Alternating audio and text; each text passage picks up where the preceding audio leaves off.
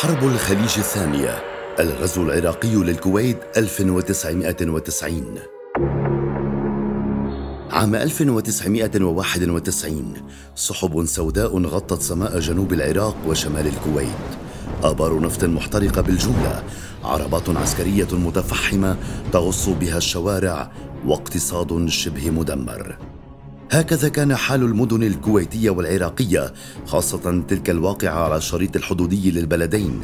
سبعة أشهر كانت كفيلة بأحداث هذا الدمار الكبير. تاركة وراءها خسائر مادية قدرت بمئات مليارات الدولارات لكلا الطرفين. تنوعت بين تدمير بنى تحتية قطاعات صناعية وتجارية أخرى.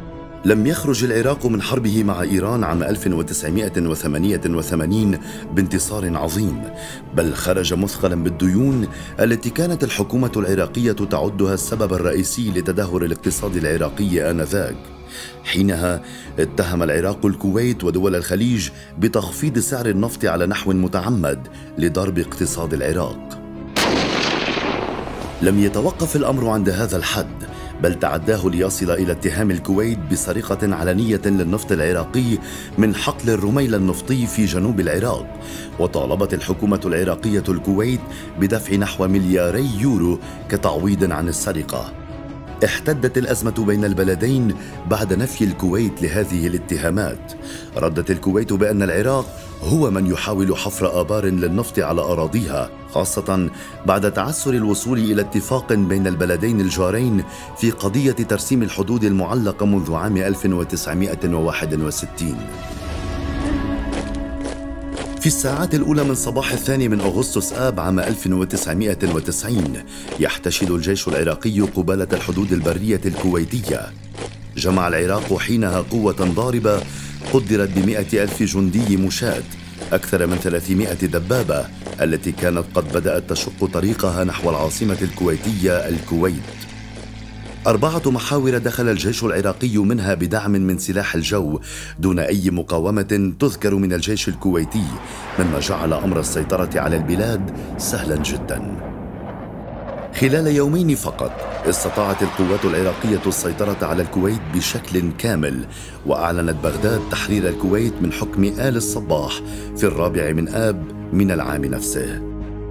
قيل وقتها حرب قد بعثرت أوراق العرب عقدت جلسة طارئة لمجلس الأمن بحث فيها هذا الغزو في اليوم ذاته ونتج عنها القرار 660 الذي طالب العراق بسحب قواته من الكويت دون أي شرط أو قيد. تبعت هذه الجلسة بجلسة أخرى في السادس من آب 1990 فرضت عقوبات اقتصادية على العراق بقرار 661 كان الهدف منها تضييق الخناق على الحكومة العراقية. في السابع من آب من العام نفسه طلبت المملكة العربية السعودية من الولايات المتحدة الأمريكية حماية حدودها خاصة بعد احتشاد الجيش العراقي هناك. سميت تلك العملية بدرع الصحراء تمهيدا لبدء الحرب. ردا على ذلك في التاسع من آب من نفس العام أعلن العراق ضم الكويت رسميا لأراضيه معتبرا إياها المحافظة التاسعة عشر وملغيا وجودها الدبلوماسي وأطلق عليها اسما جديدا عرف بمحافظة القاذمة. تباين واضح في الآراء خلال جلسة جامعة الدول العربية التي عقدت في الثاني من أغسطس آب من العام نفسه حيث رفضت الجامعة رفضا قاطعا احتلال دولة عربية لجارتها العربية مع اختلافات حادة بالآراء حول تأييد التدخل الأجنبي لإخراج العراق من الكويت. حينها أيدت 12 دولة عربية التدخل الأجنبي على رأسها مصر وسوريا ودول الخليج.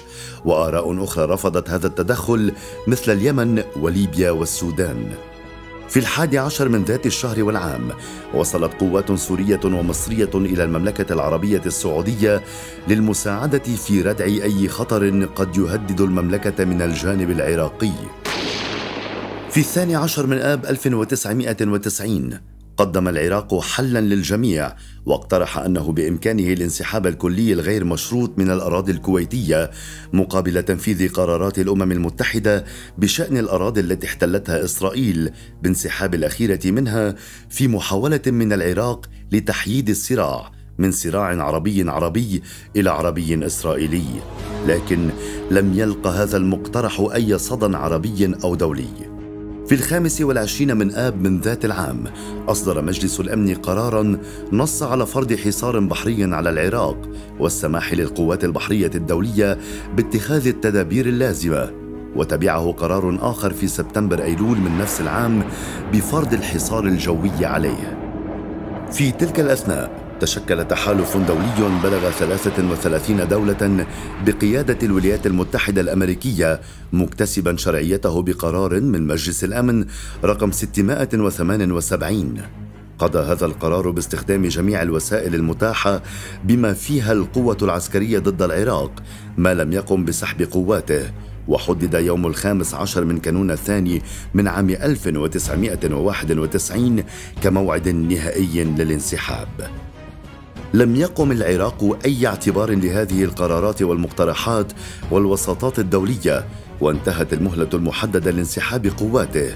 وعليه فقد تمكنت واشنطن من حشد ائتلاف تجاوز حلفاؤها الأوروبيين وكانت حصيلة التحالف. 38 دولة بقوة ضاربة قدرت ب 750 ألف جندي و3600 دبابة و1800 طائرة متعددة المهام و150 قطعة بحرية متعددة المهام أيضاً.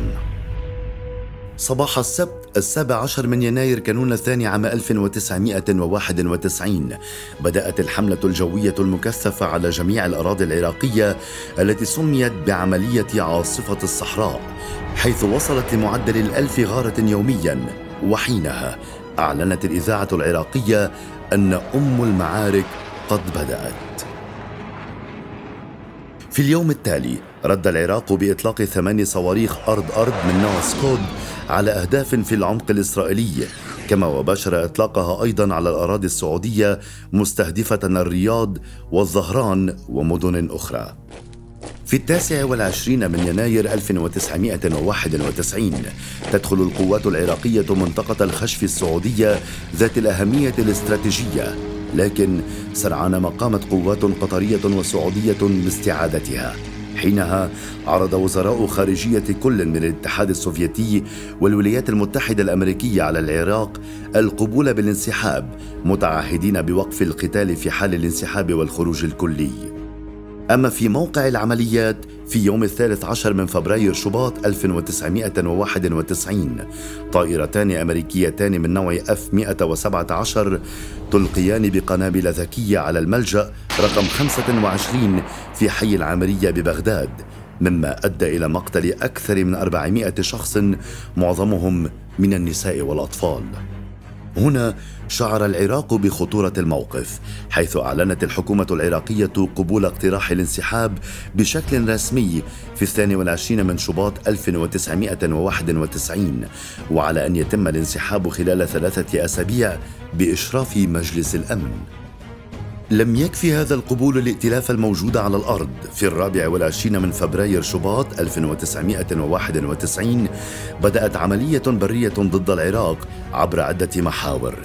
قامت القوات المتحالفة بشن هجوم على الجيش العراقي الذي كان متمركزا في الجزء الغربي للكويت وقامت بعدها بالتوغل داخل الأراضي العراقية. في اليوم التالي أعلن العراق موافقته الكلية على شروط الانسحاب وتلاه ببدء مغادرته للأراضي الكويتية التي استولى عليها وفق خطة انسحاب غير منظمة مما أدى إلى تشكيل ازدحام بين أرتاله على طول الطريق بين البلدين. أعلن الرئيس الأمريكي جورج بوش الأب وقف إطلاق النار في السابع والعشرين من مارس آذار 1991 وتحرير الكويت. وتلاها عودة أمير الكويت الشيخ جابر الأحمد الصباح إلى وطنه الأم بعد مكوثه طوال فترة الحرب في المملكة العربية السعودية. الخسائر كانت جسيمة لكلا الطرفين على الصعيدين البشري والمادي أزهقت الحرب أرواح أكثر من 570 شخصا وأسر أكثر من 605 أشخاص بينما قدرت الخسائر المادية بنحو 620 مليار دولار حسب تقارير اقتصادية عربية ولم يخلو الأمر من حرق أكثر من 752 بئرا نفطيا.